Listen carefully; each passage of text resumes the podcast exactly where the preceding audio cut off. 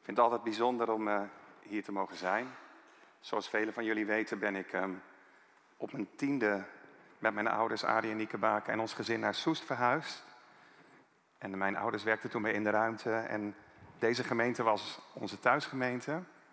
En toen ik acht jaar oud was, heb ik op een kinderkamp, we woonden toen nog in Voorburg, mijn hart aan de Heer Jezus gegeven. Maar ook in de ruimte heb ik voor het eerst de gave van de geest mogen ontvangen. En ik vind het heel bijzonder om daar vandaag met jullie juist wat over te mogen delen uit het woord. En wat me eigenlijk raakte ook in, het, ehm, in de zangdienst en ook in wat Christian zei, die tekst die we van tevoren lazen, is de hoop die we hebben in Hem. Ook juist in deze tijd. En bijbelse hoop is niet van ik hoop dat het goed komt, maar het is een hoop op dingen die zeker zullen komen door de Heer Jezus. En ook hoop, moest ik aan denken vandaag, staat niet in het rijtje van de gaven van de geest, maar het is wel iets wat de Heilige Geest geeft. De God nu der hopen vervullen ons, vervullen u met louter, met pure vreugde en vrede in uw geloof, om overvloedig te zijn in de hoop, waardoor, door de kracht van de Heilige Geest. Mooi hè? En als ik met jullie ga kijken naar de gaven van de Geest, um, ik vind het zo bijzonder. Er zijn eigenlijk twee dingen die. De Heilige Geest doet veel meer, maar er zijn twee dingen die je zou kunnen noemen als wat Hij geeft of uitwerkt in ons leven. En het ene is de vrucht van de Geest. Um, en ik ga hem gewoon weer even lezen. Daar ga ik vandaag de preek niet verder over, maar ik vind het zo mooi. En ik wil er graag toch even bij stilstaan. De vrucht van de geest, niet de vruchten, maar de vrucht. Het is een vrucht als het ware met verschillende kleuren. De vrucht van de geest is liefde, blijdschap, vrede, langmoedigheid of geduld, vriendelijkheid, goedheid, trouw, zachtmoedigheid en zelfbeheersing.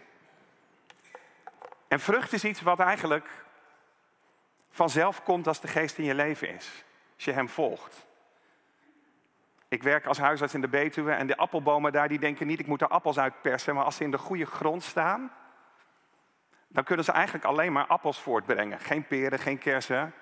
Als de geest in je leven is, je bent met hem verbonden en je hebt Jezus in je leven aangenomen, je volgt hem en hij heeft je nieuw gemaakt van binnen, dan zal die vrucht er zijn. Ik vind dat zo mooi. Dat is het enige wat hij doet.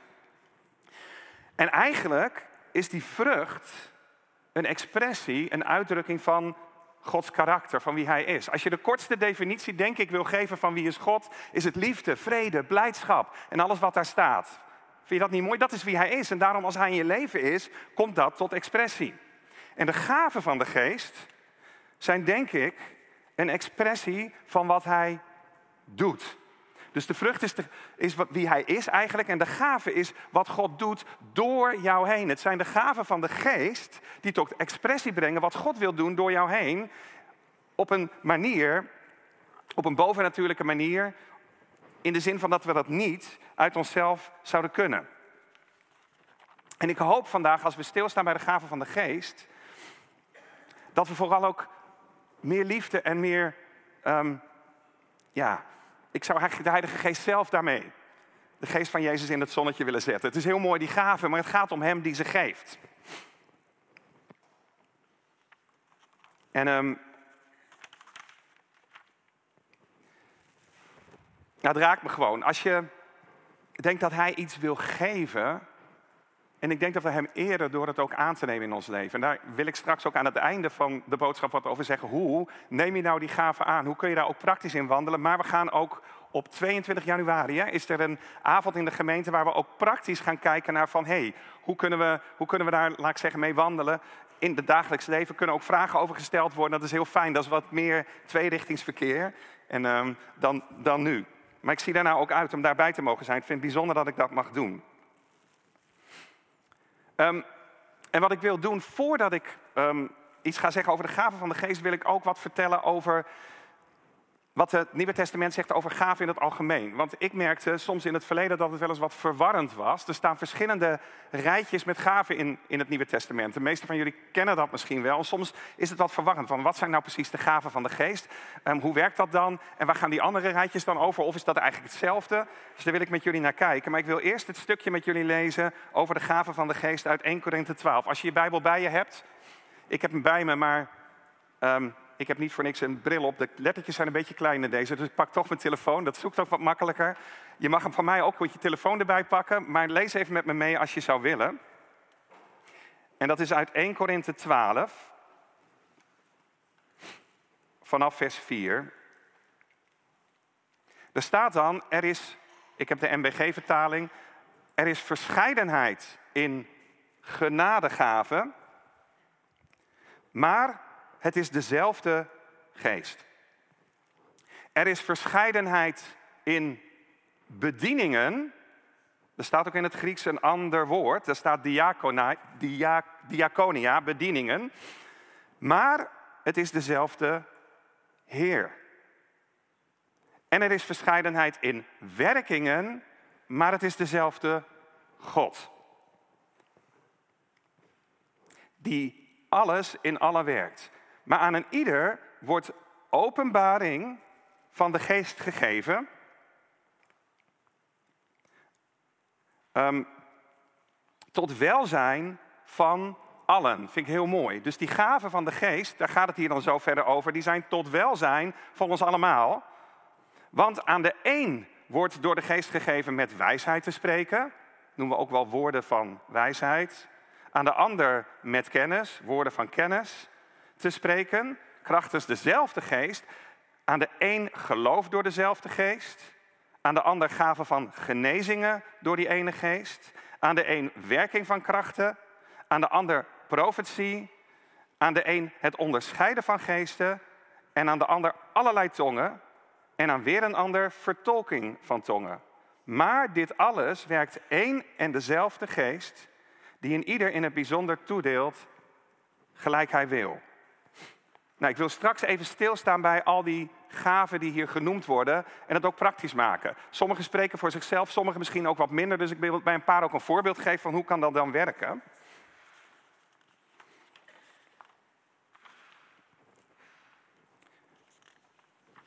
Maar hoe zit dat dan met die andere rijtjes in de Bijbel waar het ook over gaven gaat? Daar wil ik heel kort wat over zeggen en ik hoop dat dat wat duidelijk maakt voor jullie. Nou zijn de briljante Bijbelgeleerden die soms um, dingen net wat anders uitleggen. Dus ik wil jullie uitdagen, kijk vooral naar het woord. Als je aantekeningen wil maken vandaag, doe dat ook. Want dan kun je Bijbelteksten misschien later thuis ook opzoeken. Dus kijk naar het woord en toets wat ik wil delen uit het woord.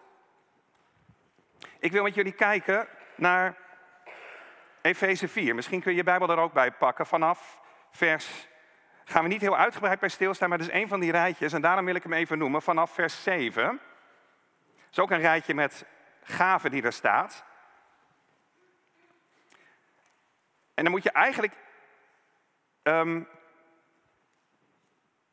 nee, we staan ik ga gewoon lezen en dan leg ik het um, onderwijl uit. Maar aan, de, aan een ieder afzonderlijk is genade gegeven naar de mate waarin Christus haar schenkt. Daarom heet het, opgevaren naar de hoge voerde hij krijgsgevangenen mee. Gaven gaf hij aan de mensen. Over wie gaat dit hier?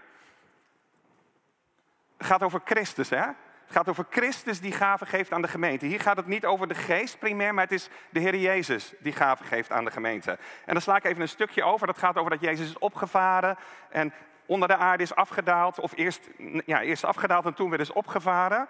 En dan gaat het verder. En hij, dat is de Heer Jezus, heeft zowel apostelen als profeten gegeven, zowel evangelisten als herders en leraars, om de heilige toe te rusten tot dienstbetoon, tot opbouw van het lichaam van Christus, totdat wij met elkaar de eenheid van het geloof en de volle kennis van de Zoon bereikt hebben. Wat belangrijk is in de context van dit rijtje, is hier is het de Heer Jezus die gaven geeft. En als je goed leest, geeft hij geen gaven aan het individu, maar hij geeft hier gaven.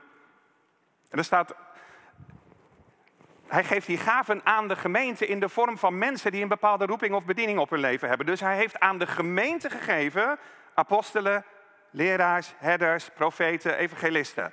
Dat is wat anders dan het rijtje van de gaven van de geest die we net hadden. Maar het is belangrijk om dat te onderscheiden. Ik ga hier vandaag niet over preken. Ik denk, daar kun je een heleboel onderwijs apart over geven. Daar gaat het vandaag niet over. Dus je denkt, daar wil ik me meer in verdiepen. Doe dat. Of spreek er met mensen in de gemeente over. Um, maar het is belangrijk om te zien dat dit dus een ander rijtje gaven is. Er is er nog zo één.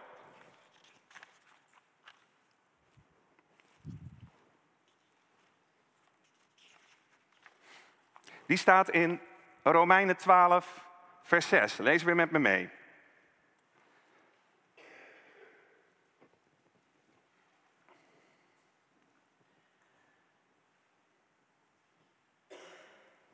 Ik begin al bij vers 4, want gelijk wij één lichaam, in één lichaam vele leden hebben en de leden niet alle dezelfde werkzaamheden hebben, zo zijn wij hoeveel, uh, zo, zijn wij hoeveel vele, uh, hoewel vele één lichaam in Christus, maar ieder afzonderlijk leden ten opzichte van elkaar. We hebben nu gaven onderscheiden naar de genade die ons gegeven is. Profetie naar gelang van ons geloof, wie dient in het dienen, wie onderwijst in het onderwijzen, wie vermaant in het vermanen, wie mededeelt in eenvoud, wie leiding geeft in ijver, wie barmhartigheid bewijst um, in blijmoedigheid. Hier wordt ook de vergelijking gelegd dat in een lichaam heb je als het ware verschillende leden en verschillende functies. Over het algemeen um, zie ik dat heel veel mensen deze tekst uitleggen als meer een soort DNA-gave. Dus hier gaat het over mensen die dienen, die gebruikt worden in het dienen, als het ware, dat is hun onderdeel in het lichaam. Of mensen die profetisch zijn, die gebruikt worden vanuit een profetisch DNA in het lichaam. Um, in het Engels worden ze wel de motivational gifts genoemd, of motivatiegaven, soms redemptive gifts. En als je naar bijvoorbeeld de werkwoordsvorm kijkt, dan staat daar bijvoorbeeld bij um, wie bemoedigt of wie vermaant in het vermanen. In de grondtekst staat daar het woord parakleet, of datzelfde grondwoord, de Heilige Geest. Maar grappig, als het over de Heilige Geest gaat, dan vertalen we dat als trooster. En hier staat er wie bemoedigt, wie troost. Er staat hier in mijn tekst wie vermaant in het vermanen. Heeft voor mij een andere smaak. Herkennen jullie dat? Maar echt staat er wie bemoedigt. Maar dat woord bemoedigen, daar staat in het Grieks een werkwoordsvorm. In het Engels ken ik hem de present active participle, maar dat is als het ware een continue werkwoordsvorm. Die kennen we niet in Nederland. Dus hij die bemoedigende is continu, in het bemoedigen. Dus je zou kunnen zeggen dat deze gaven gaan meer over, laat ik zeggen, bijna een soort geestelijk DNA. Wat drijft jou? Wat motiveert jou? Wat werkt er van God door je heen? En dan zou je kunnen teruggaan naar dat stukje wat we net uit Korinthe lazen. Over er zijn gaven, maar er is één geest. Er zijn bedieningen, maar er is één Heer. En er zijn werkingen, maar er is één God. Het zou me niet verbazen dat dat als het ware op die verschillende. Zijn God en de Heilige Geest en Jezus geven allemaal met elkaar, maar ze, hebben, en ze doen dat in volledige eenheid. Maar het komt op andere manieren tot expressie. En vandaag wil ik kijken naar de gaven van de Geest. Er is nog één rijtje en die sla ik nu even over, ook omwille van de tijd.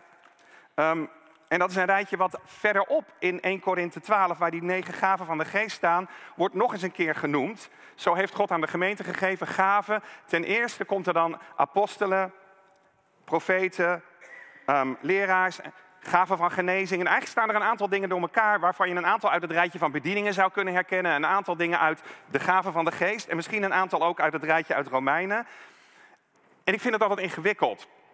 Dus ik heb een Amerikaanse voorganger die wij goed kennen, waar wij altijd naar de gemeente gaan in de zomer, als wij daar zijn opgebeld. Dat is echt een bijbelleraar. En ik zeg, hoe zit dat nou precies? Hij zegt, nou, ik denk als hij naar de grondtekst kijkt, dat het daar over een ordening gaat. Dat God de ordening in de kerk aangeeft en daar hebben de gaven een bepaalde plek of functie in. Dus deze drie rijtjes die ik nu noemde zijn meer zo van dit zijn de gaven van Jezus, dit zijn de gaven van de geest, dit is geestelijk DNA, hè, dat is Romeinen. En in Korinthe zou je kunnen zeggen staat er een ordening van hoe functioneert dat dan in de gemeente.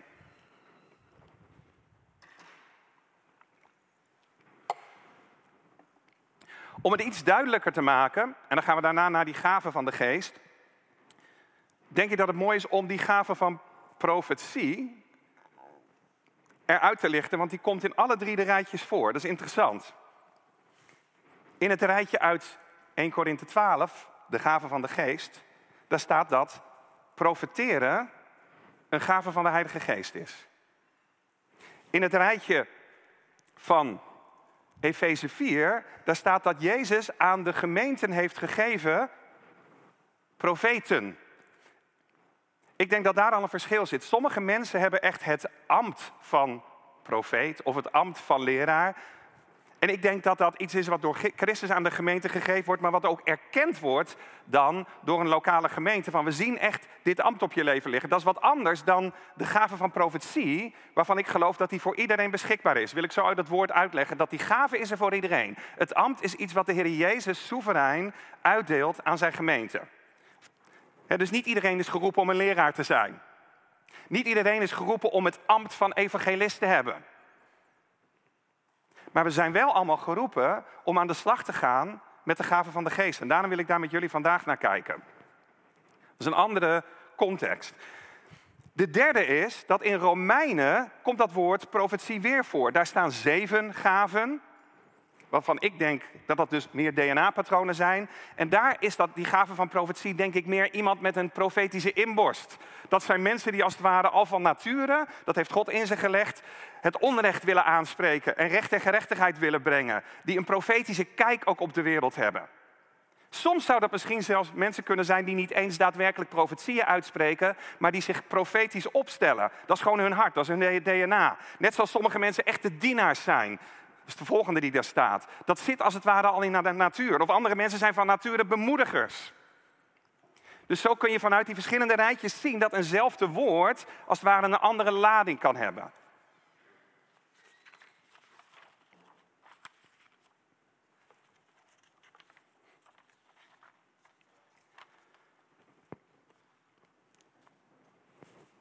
De gaven van de geest, daar gaan we nu naar kijken.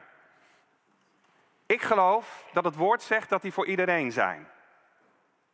Waarom? Er staat zelfs in dat we ons mogen, in diezelfde tekst staat verderop, dat we ons mogen uitstrekken naar die gaven. Nou, als het niet voor iedereen is, dan zou het raar zijn dat de Bijbel zegt dat je je mag uitstrekken daarnaar. Twee hoofdstukken verder, dus 1 Korinthe 12 gaat over die gaven. En dan komt 1 Korinthe 13. Nou, dat is het geweldige hoofdstuk over de liefde. En dan 1 Korinthe 14, gaat weer verder en daar staat onder andere dat je je mag uitstrekken naar de gaven van de geest, maar in het bijzonder naar welke? Naar profetie. Want, staat er dan, hè, wie in een tong spreekt, kom ik zo op. Als je voor jezelf in tongen spreekt, dan sticht je jezelf, dan bouw je jezelf op. Maar als je profeteert, als je in profetie, uh, profetie functioneert, dan sticht je de gemeente. Dan bouw je de gemeente op. God heeft die gaven gegeven voor de gemeente. En het raakt me elke keer om te zien wat God doet door die gaven heen. Ik zei al, hè, de vrucht van de geest gaat meer over het karakter van God, wie God is. De gaven van de geest gaan meer over wat hij doet. En ik vind het elke keer bijzonder om te zien dat als ik uitstap in de gaven van de geest, wat God daardoorheen doet en wat de vrucht daarvan weer is in het leven van die ander. Ik had recent een tienerjongen bij mij op de praktijk.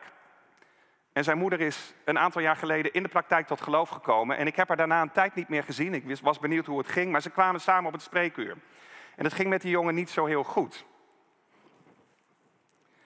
En hij had eigenlijk twee problemen waar ik eerst als dokter naar gekeken heb. Maar het ene probleem was dat, het, dat hij niet lekker in zijn vel zat door een aantal nare dingen die waren gebeurd. En het andere probleem is dat hij een, een probleem had met zijn lichaam. Ik geef niet te veel details, want het gaat ook om patiënten. En ik verander misschien ook wat details, hè, want ik wil hier niet. Um, ik heb ook een geheimhoudingsplicht naar mijn patiënten. Maar in ieder geval, mocht ik met hem bidden. Ik zeg, bid je nog wel eens? Hoe is het met je relatie met God? Want hij was ooit met zijn moeder meegekomen en had zijn leven bij ons in de kerk aan de Heer Jezus gegeven. Hij zei, ja, dat doe ik nog steeds. En we zijn echt, ik denk wel vijf, zes jaar verder. Dus ik vroeg of ik voor hem mocht bidden. En ik ervoer vrijmoedigheid om ook voor zijn lichamelijke um, aandoening te bidden. Dat was iets heel concreets. En ik vroeg hem daarna even rond te lopen en hij was helemaal verbaasd, want alle pijn was 100% verdwenen. Maar wat ik nog veel mooier vond, er was ook iets anders gebeurd. Dus dat was de gave van genezing, hè, zou je kunnen zeggen. Maar er was ook iets anders gebeurd. God had hem ook aangeraakt door het gebed heen. En ik sprak hem een paar dagen daarna, omdat ik even moest horen hoe het ging. En toen zei hij, dokter, nadat u gebeden heeft, is het net alsof ik weet niet hoeveel kilo's lichter ben ik voel me zoveel beter en er is zoveel meer rust en vrede. En elke keer als ik zie dat de Heilige Geest door zijn kracht, door mij heen, door de gave heen mensen aanraakt, dan brengt dat mensen bij Jezus. En dat is ook de bedoeling. Ik denk, als je functioneert in de gaven zoals hij bedoelt, gaat de eer naar Jezus uit. Dan zien mensen wat Jezus door zijn geest in hun leven doet.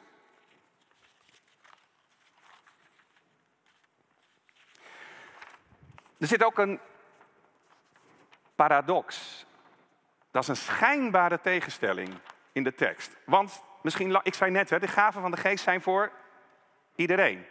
Kun je naar uitstrekken.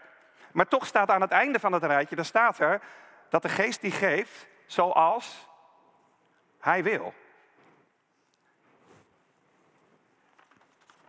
De Bijbel staat vol met dat soort paradoxen. Maar hoe zit dat dan? Nou, ik weet het niet precies, want dat is het probleem met een paradox. Dat kan ik niet helemaal bij elkaar praten. De geest geeft zoals hij wil, maar wij mogen ons daarna uitstrekken. En in ons denken moeten dingen altijd logisch zijn. 1 en 1 is 2. Maar in Gods realiteit is dat soms anders. Ik denk namelijk dat het allebei waar is. Hij geeft zoals hij wil, maar daarin kijkt hij ook naar jouw verlangen. Want God is een God van relatie. En vanuit zijn zien van jouw verlangen wil hij je tegemoet komen en zegt hij, ja, ik wil. En tegelijkertijd geloof ik dat dat niet altijd betekent, geloof ik, maar onderzoek het woord. En sommige christenen denken daar anders over. Dat het niet altijd betekent dat jij dus alle gaven van de geest volledig in je leven aan het werk ziet zoals jij misschien zou willen. De een krijgt meer de gaven van genezing dan de ander, denk ik. En de een zal meer profiteren dan de ander. Maar toch mag je ernaar uitstrekken. En je mag in vertrouwen, in geloof weten dat God je zal geven wat goed voor je is. Wat bij je roeping past en wat je nodig hebt. Dus het blijft een geheimenis. Hij geeft wat hij wil en jij mag je uitstrekken. Zullen we met elkaar kijken naar die gaven die er staan? Dat zijn negen. En ik heb ze onderverdeeld, dat wordt wel vaker gedaan. En ik vind dat wel mooi, makkelijker voor mij ook om te onthouden, in drie groepjes van drie. Dat wordt wel vaker zo gedaan. En dan zou het eerste groepje is het, zijn de gaven die gepaard gaan met woorden. Spreken of woorden van wijsheid, woorden van kennis en het spreken in tongen.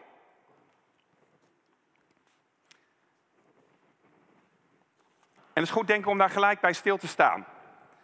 Woorden van wijsheid vind ik zelf een hele mooie. Um, en dat is iets waar de Heer over mijn leven al een aantal keer door mensen die profetisch zijn wat over gezegd heeft. Van ik zal je wijsheid geven. En um, ik merk het soms ook in de praktijk. Dat er een hele moeilijke of ingewikkelde situatie is. En dan in één keer komt er een idee in me naar boven. En dat deel ik met mensen. En dan, dan gebeurt er iets. En denk ik, waar kwam die vandaan? Dan weet ik het wel. Die kwam van God vandaan. Een heel mooi voorbeeld van een, wat een woord van wijsheid zou kunnen zijn uit het Oude Testament is bijvoorbeeld Salomo. Die Kennen jullie het verhaal van die twee babytjes? Twee moeders met twee babytjes en één daarvan is overleden. En die moeders die maken er ruzie over en die zeggen allebei dat het overlevende kindje nog van hun is.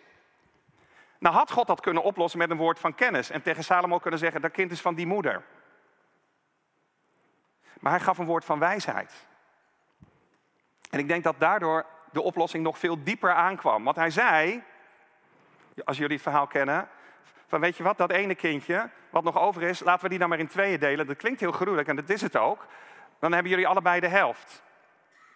Maar de echte moeder reageerde gelijk vanuit haar liefde voor haar kind. Nee, ik wil niet dat mijn kind sterft. Laat dan die andere moeder het maar hebben. En iedereen zag gelijk van, dit is hoe het moet zijn. Terwijl een woord van kennis in dit geval, had je misschien toch getwijfeld, had hij wel gelijk. Snap je? Dus God weet ook wat hij je wil geven op welk moment. Een woord van kennis. Een mooi voorbeeld uit mijn eigen leven was dat ik op een gegeven moment in de praktijk daarmee te maken had. Dat ik met iemand te maken kreeg die heel veel lichamelijke klachten had. Um, en allerlei specialisten was geweest. En eigenlijk kwam er geen oplossing. En op dat moment drong zich heel sterk iemand uit een reformatorische achtergrond. En op dat moment drong zich heel sterk aan mij op. Van waar hij mee te dealen heeft, heeft te maken met zijn relatie met zijn vader. En ik, zeg, ik zei tegen hem, ik zeg, um, ik ben christen en ik geloof dat God ook. Ik vraag elke dag om zijn leiding. Als ik het woord, woord van kennis gebruik bij reformatorische mensen, dan gaat dat denk ik niet zo goed. Maar ik zei wel, dat is ook zo, want dat kennen ze niet op die manier. Maar ik zei, ik geloof dat God mij leidt en dat hij soms ideeën geeft. En wat er bij me naar boven komt is, zou het zo kunnen zijn dat er een probleem is in uw relatie met uw vader? En die persoon slaakte een soort gil van, wat, bent u helderziende dokter? Ik zei, nee, ik ben niet helderziende. Maar ik geloof wel dat God leiding wil geven. We hebben daarover doorgepraat. Van hoe vergeving een sleutel kan zijn en ook lichamelijk kunnen vrijkomen. Want vergeving zet letterlijk dingen op slot in je leven. En kan soms ook lichamelijke genezing in de weg staan. Dat is een woord van kennis. Er zijn nog veel meer voorbeelden van te geven. Spreken in tongen.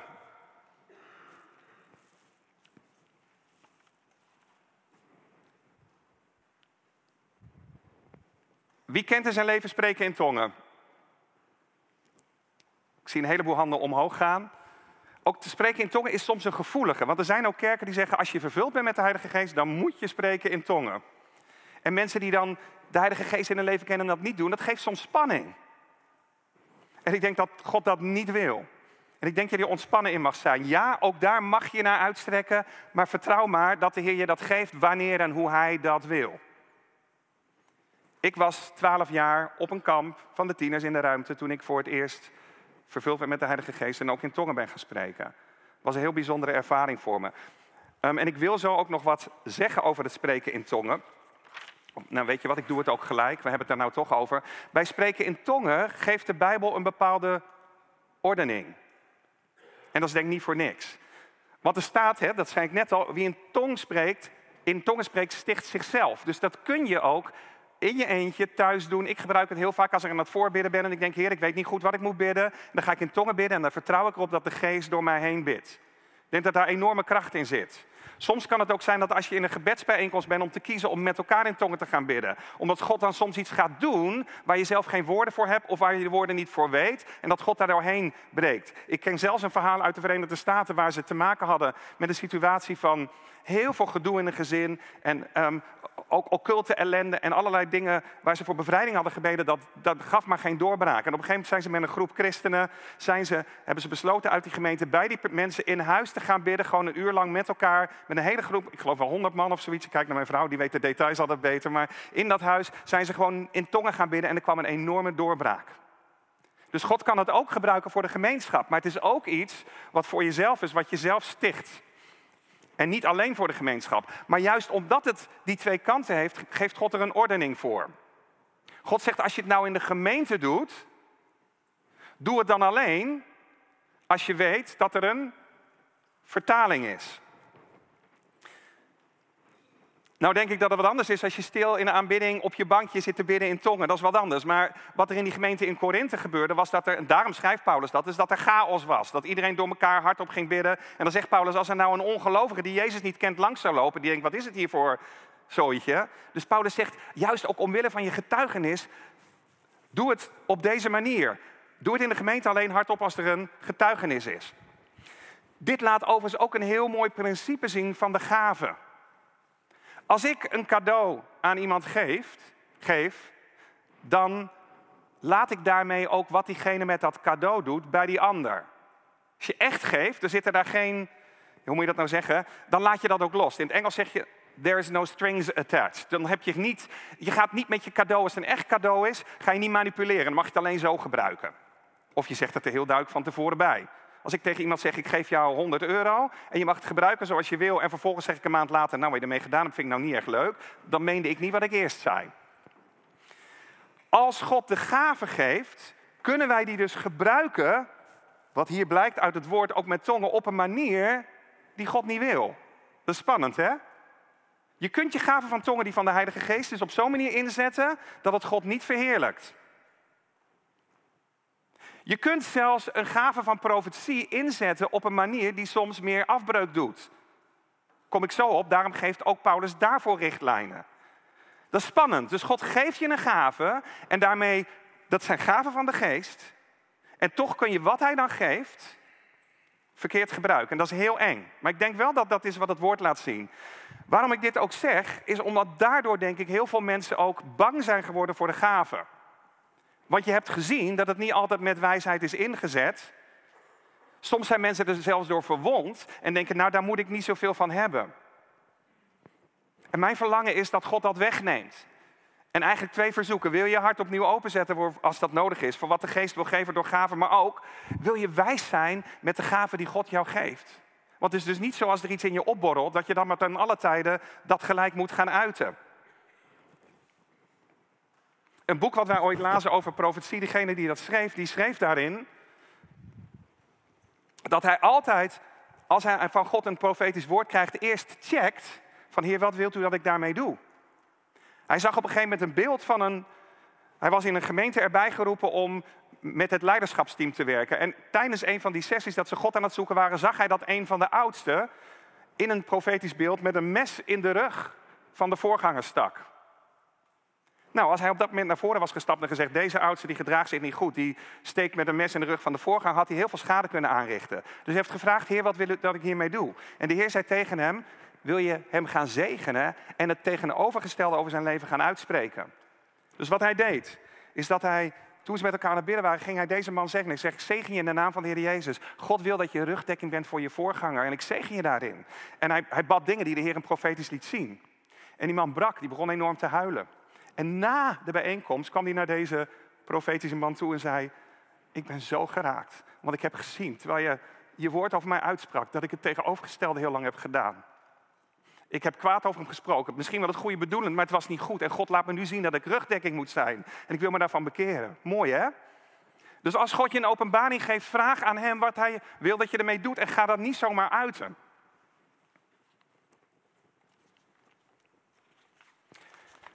Tweede groep van gaven. De gaven van kracht zou je wel kunnen zeggen. De power gifts in het Engels. De gaven van geloof. De gaven van genezing en de gave van krachten staat hier. Het is misschien goed om daar toch wat over te zeggen. Want spreken in tongen, woord van kennis, woord van wijsheid, dat, dat, dat snappen we allemaal wat makkelijker. Maar wat is nou, nou ik noem maar wat, een gave van krachten?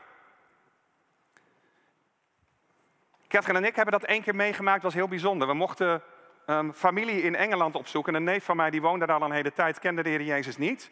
Um, woonde daar al een hele tijd en we kwamen daaraan. En ze hadden een gastenbadkamer. En wij kwamen geloof ik nog, we hadden onze vier kinderen bij ons en nog een logeetje. Dus met z'n zevenen en hun gezin was ook al met z'n vieren. En er was één badkamer voor de ouders en het gezin. En nu kwamen er zeven mensen bij. En wat was er gebeurd? Twee weken voor we aankwamen was de gijzer kapot gegaan. In die gastenbadkamer, elektrische gijzer. Hij zegt, nou moeten we allemaal met, met elkaar in die ene badkamer proppen... die ook nog in de ouderslaapkamer was. Ik had net naar onderwijs geluisterd over de gaven van krachten.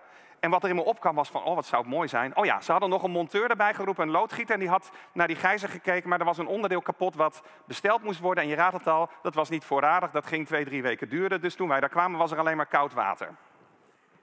Ik dacht, oh heer, als u nu eens aan zou, willen laten zien wat u kan doen. En dat u ook in de dagelijkse dingen van het dagelijks leven wilt zorgen. Dus ik ben naar die badkamer gegaan en ik heb mijn hand op die gijzer gelegd en gezegd: In de naam van de Heer Jezus spreek ik uit dat hij weer moet gaan werken. En toen ik het gedaan had, dacht ik al van, oh, mag dit wel, kan dit wel? Dus ik deed de douche aan, koud water. Oh nee, wacht even, want er zit nog een aanknopje aan. En ik zette het aanknopje aan en perfect warm water kwam uit de douche. Dus ik kwam daarna heerlijk uit de douche, badkamerdeur open, het stoom kwam eruit en mijn neef zegt, huh? Wat is hier gebeurd? En het enige wat ik toen gezegd heb, want hij weet al lang dat ik geloof. Ik zeg, ik heb, voor, ik heb ervoor gebeden. Hij viel stil en ik dacht, ik moet ook maar niet te veel meer zeggen. Jaren later, ze wonen nu weer in Nederland, sprak zijn zoon en die zei, oh ja, toen jullie bij ons in Engeland kwamen, heb je voor de douche gebeden. En die deed het weer. Maar ik denk dat dat zo'n gave is. God wil dit soort dingen doen.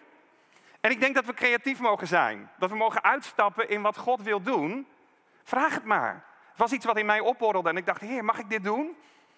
ik vond het heel bijzonder om God aan het werk te zien. Gaven van geloof. Nou, wij trekken veel op met Wim en Gea Hoddenbach, Stichting Presence, die op de straten God aanbidden. Ik vind dat zij echt een gave van geloof hebben gekregen. Zo vaak zie ik dat ze, Johan en Carolien trekken ook veel met hen op. Zo vaak zie ik dat ze op plekken gaan of dat ze een woord van God krijgen. Je mag dit en dat doen. Dan denk ik, wow, hoe krijg je dat voor elkaar? Financieel, qua vergunningen en allerlei dingen. En elke keer doet God het. Gave van geloof. Je ziet soms bij mensen die meer dan het natuurlijke geloof dat ze hebben, ze een enorme portie hebben gekregen en die door geloof dingen zien want dat is wat geloof doet. Je ziet dingen die je in het natuurlijke niet ziet. Geloof opent je ogen voor datgene wat God aan het doen is. Gaven van geloof. Prachtige gaven ook. Heer, geef ons meer en geef ook mij meer. Gaven van genezing. Nou, net al over gehad, dat is ook zo'n de kracht van de Heilige Geest die door genezing werkt. Heel vaak doordat je handen op mensen legt. Dat staat ook in de Bijbel, dat dat mag, maar dat hoeft ook helemaal niet per se. We hebben ook wel eens meegemaakt dat we door de telefoon voor mensen mochten bidden en de genezing was. Ik heb zelfs een keer meegemaakt dat ik tijdens een van de uitzendingen voor, Presence waren we in een ziekenhuis, was in de coronatijd, heel bijzonder, in het Erasmus ziekenhuis in een van de collegezalen. Allemaal op, wat was het, uh, twee meter afstand van elkaar moesten we staan. En Wim vroeg of ik een gebed wou uitspreken. En de Heer vroeg, de Heer legde op dat moment op mijn hart dat ik iets zou bidden voor dat God het onwillekeurige zenuwstelsel bij mensen als het ware in balans zou brengen. Onwillekeurige zenuwstelsel heeft een activatiekant, de sympathicus. Dan sta je altijd in de aanstand, of niet altijd, maar als dat aan is. En een ruststand, de parasympathicus. En bij sommige mensen is door stress en ellende staan ze bijna altijd aan en komen niet meer goed tot rust. En de Heer voegde op dat moment er eigenlijk aan toe. Er kwam spontaan bij me op om voor hormonen te bidden. Dat God iets zou doen met hormonen. En Wim Hoddenbach kreeg later een mailtje dat een vrouw tijdens dat gebed aangeraakt werd in haar lichaam. En God als het ware een reset gaf in haar hormonen. Dus genezing kan ook op afstand. En hoeft niet altijd met handoplegging. Prachtige gaven van God. En dan de derde rijtje. Gaven van openbaring. Dat zijn de gaven van onderscheid van geesten. De gaven van vertolken van tongen. En de gave van profetie. Zo apart, hè? want ik zou denken dat een woord van kennis ook een vorm van profetie is. Dat is het misschien ook wel. Maar profetie is ten diepste openbaring van iets wat God je laat zien. Het is vaak ook een openbaring van zijn hart, van iets wat in zijn hart is. In het Oude Testament zie je zijn hart voor het volk Israël. En dat kan door woorden, maar dat kan ook door beelden. Heel vaak heeft profetie ook met beelden te maken. Heel veel profetische mensen ontvangen dat in beelden. Dat kan op vele manieren. Onderscheid van geesten. Ik vind dat altijd ingewikkeld om uit te leggen. Maar misschien moet ik het zo doen. Al jaren geleden sprak er bij iemand, bij iemand bij ons in de gemeente. En die sprak dingen en die waren perfect bijbels te onderbouwen. Maar ik kreeg een enorme knoop in mijn buik. En ik voelde een enorme veroordeling over me komen. En het eerste wat ik dacht is van, oh heer, ik moet me misschien bekeren. Er zijn dingen niet goed in mijn leven. Maar hoe meer ik daarover nadacht, dacht ik van, ja, maar er klopt iets niet. En ik raakte hen in verwarring, omdat diegene die sprak puur dingen uit de Bijbel aan het uitleggen was. En toen bepaalde de Heer me bij een tekst uit Handelingen. Daar staat dat er een slavenmeisje, misschien kennen jullie het verhaal, die loopt achter Paulus aan in de stad. En wat zegt dat slavenmeisje? Die zegt, luister naar hen, naar Paulus, want zij verkondigen u den weg ten leven. Nou, welke betere reclame wil je hebben? Luister naar hen, want ze brengen je de weg ten leven. Dat was waar, volkomen waarheid. Maar het kwam voort uit een verkeerde geest. En Paulus wist dat gelijk. Dus zelfs de vijand kan soms waarheid spreken, of gedeelde waarheid. Maar het effect in je leven, de vrucht daarvan, is niet de vrijheid die God geeft. En die gave van onderscheid kan je soms helpen om dat helder te krijgen. En dat is ook een hele ingewikkelde, hè? want mensen kunnen die gave ook misbruiken. Ja, ik onderscheid dat het hier niet klopt. Snap je? Dus dat moet je ook weer toetsen met elkaar. En soms zelfs met je leiderschap. Van, hé, hey, willen jullie hier eens naar kijken? Ook dat is weer zo'n gave die je met voorzichtigheid en wijsheid moet gebruiken. Maar de Heer liet me op dat moment zien van het kan soms zijn dat er dingen zijn die aan de buitenkant helemaal goed lijken. Maar aan de binnenkant is er geen leven. Geest van onderscheid. God geeft soms ook mensen aan de gemeente die de wolven in schaapskleren moeten herkennen. Gaven van onderscheid. Een hele belangrijke gave voor de gemeente. Als je dat soort mensen in je gemeente hebt, is het belangrijk om ze als het ware ook te kennen en te weten, hey, bij die werkt dat op een betrouwbare manier. Die is daar volwassen in. En om die ook inspraak soms te geven, omdat dat enorm kan helpen om schade te voorkomen voor het lichaam van de Heer Jezus. De gave van vertolking van tongen. Ik vind het ook altijd een spannende, want hoe weet je nou of je dat hebt? En het is ook nog een spannende, dat vraagt geloof. Als ik nou een tong heb en ik denk ik moet hem gaan doen hardop in de gemeente en ik ga dat doen. En wat nou als er dan geen vertolking komt? Dus ook daarin vraagt het geloof en afhankelijkheid van God. En wil ik je ook meegeven, als je leert lopen, dan gaat dat letterlijk met vallen en opstaan. Als je gaat bewegen in de gave van de geest, mag je ook fouten maken, maar wees er ook kwetsbaar in.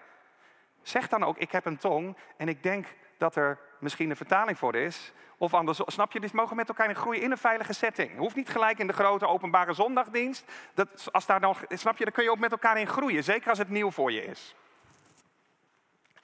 En dan als laatste de gave van profetie. Paulus geeft daar heel duidelijke kaders voor. En daar staat in diezelfde tekst, iets verderop, van die we net gelezen hebben uit 1 Korinthe 12, dat profetie moet zijn opbouwend, bemoedigend. Dat wordt in sommige vertalingen nog steeds met vermanend vertaald, maar dat is weer diezelfde spraakverwarring. Opbouwend, bemoedigend en vertroostend. Als je functioneert in de gave van profetie, zijn dat de kaders.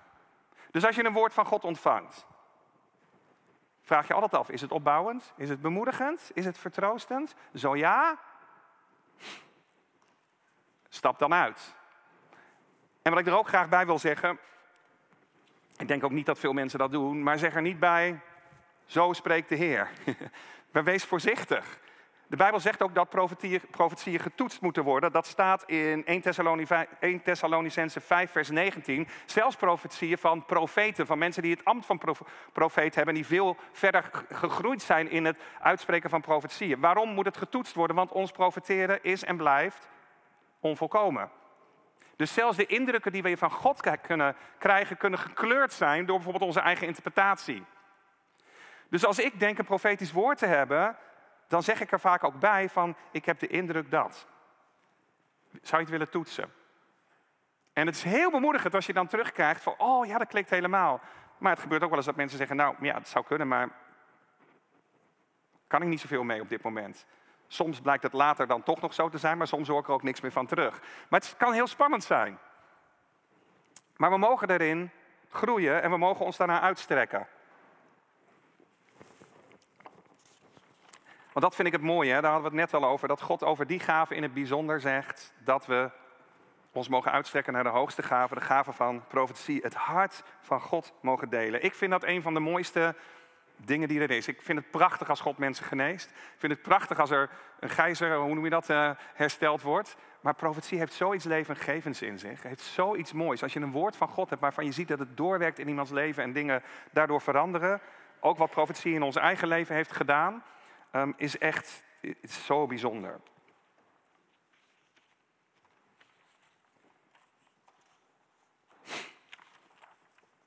Ik denk dat ik wil afsluiten met kort iets te zeggen over hoe ontvang je dan de gaven van de geest? Of hoe, als je ze al ontvangen hebt, hoe groei je er dan in?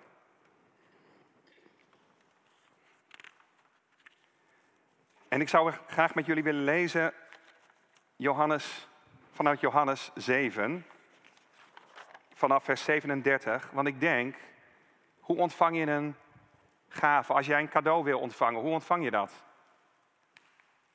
Dan moet je eerst degene, als ik naar een verjaardag ga en bij, ons nichtje is vanmiddag jarig, als zij een cadeau wil ontvangen, ze heeft ons uitgenodigd op haar verjaardag. En op het moment dat wij uitgenodigd zijn, dan komen we met een cadeau.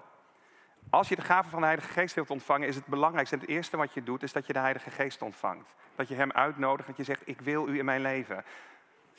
En dat kan de eerste keer zijn, maar ik denk dat we dat elke dag mogen doen.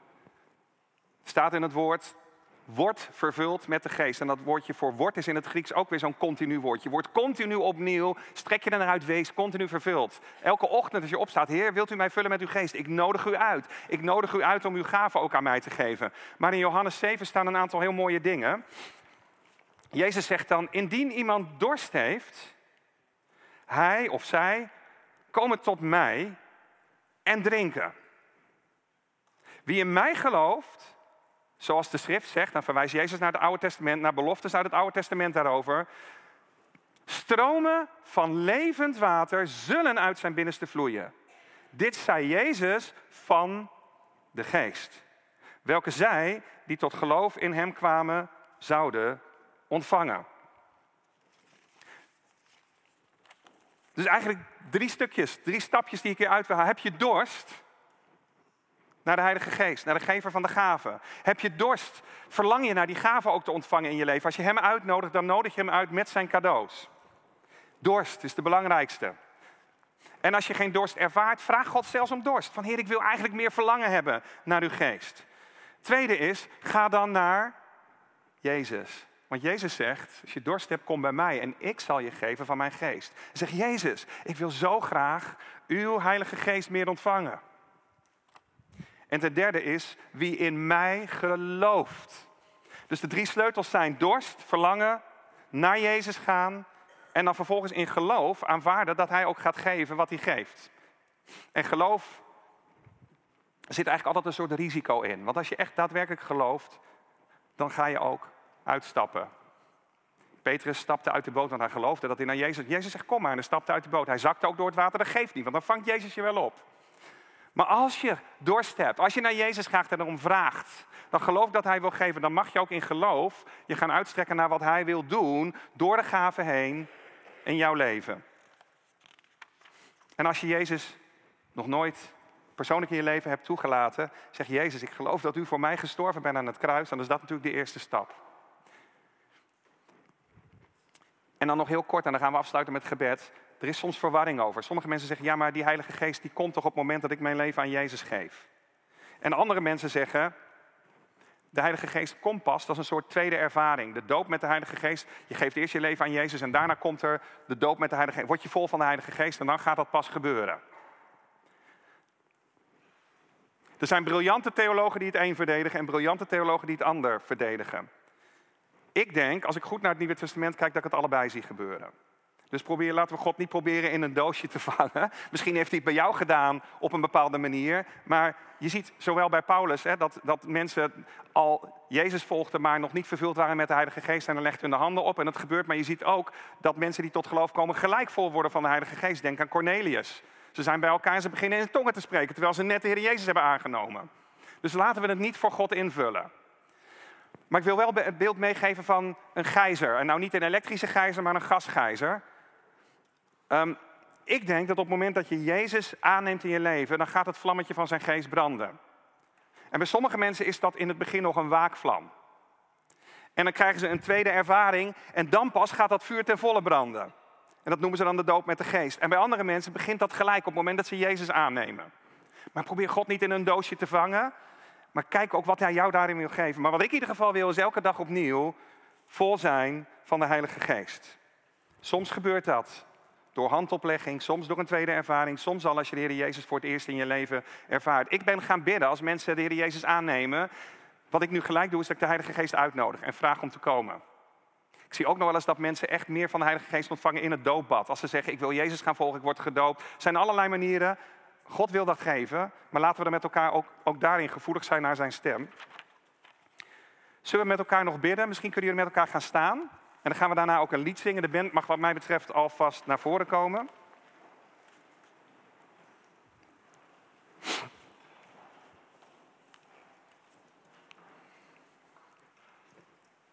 En dan zingen we het lied aansluitend aan het gebed. Ik wil iedereen vragen om je ogen dicht te doen. En voor jezelf, als jij zegt, ja, ik herken dat verlangen, ik, ik, herken die dorst, of zelfs ik wil graag meer dorst hebben, ik wil meer van de Heilige Geest. Voor jezelf, niemand hoeft dat te zien.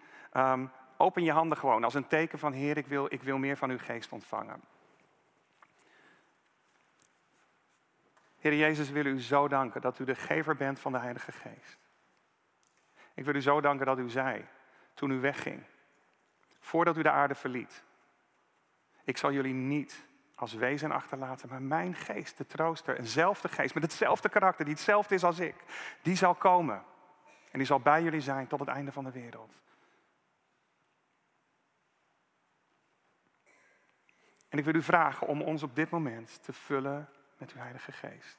Heer Jezus, wilt u uw geest geven, opnieuw, misschien voor het eerst. En ik bid dat u met meer van uw kracht wilt komen, Heilige Geest, op dit moment, in de naam van de Heer Jezus. Heer, ik bid dat u mensen aanraakt, ook in deze zaal. Dat we meer mogen gaan wandelen in dat wat u heeft gegeven door uw kracht. Zodat we uw daden, Heilige Geest, kunnen doen in onze omgeving. We nodigen u uit. Vul ons met uw Heilige Geest. Dank u wel voor uw trouw. Dank u voor uw goedheid. En dat u deze gave geeft waar zonder we, ja, waar zonder we niet kunnen.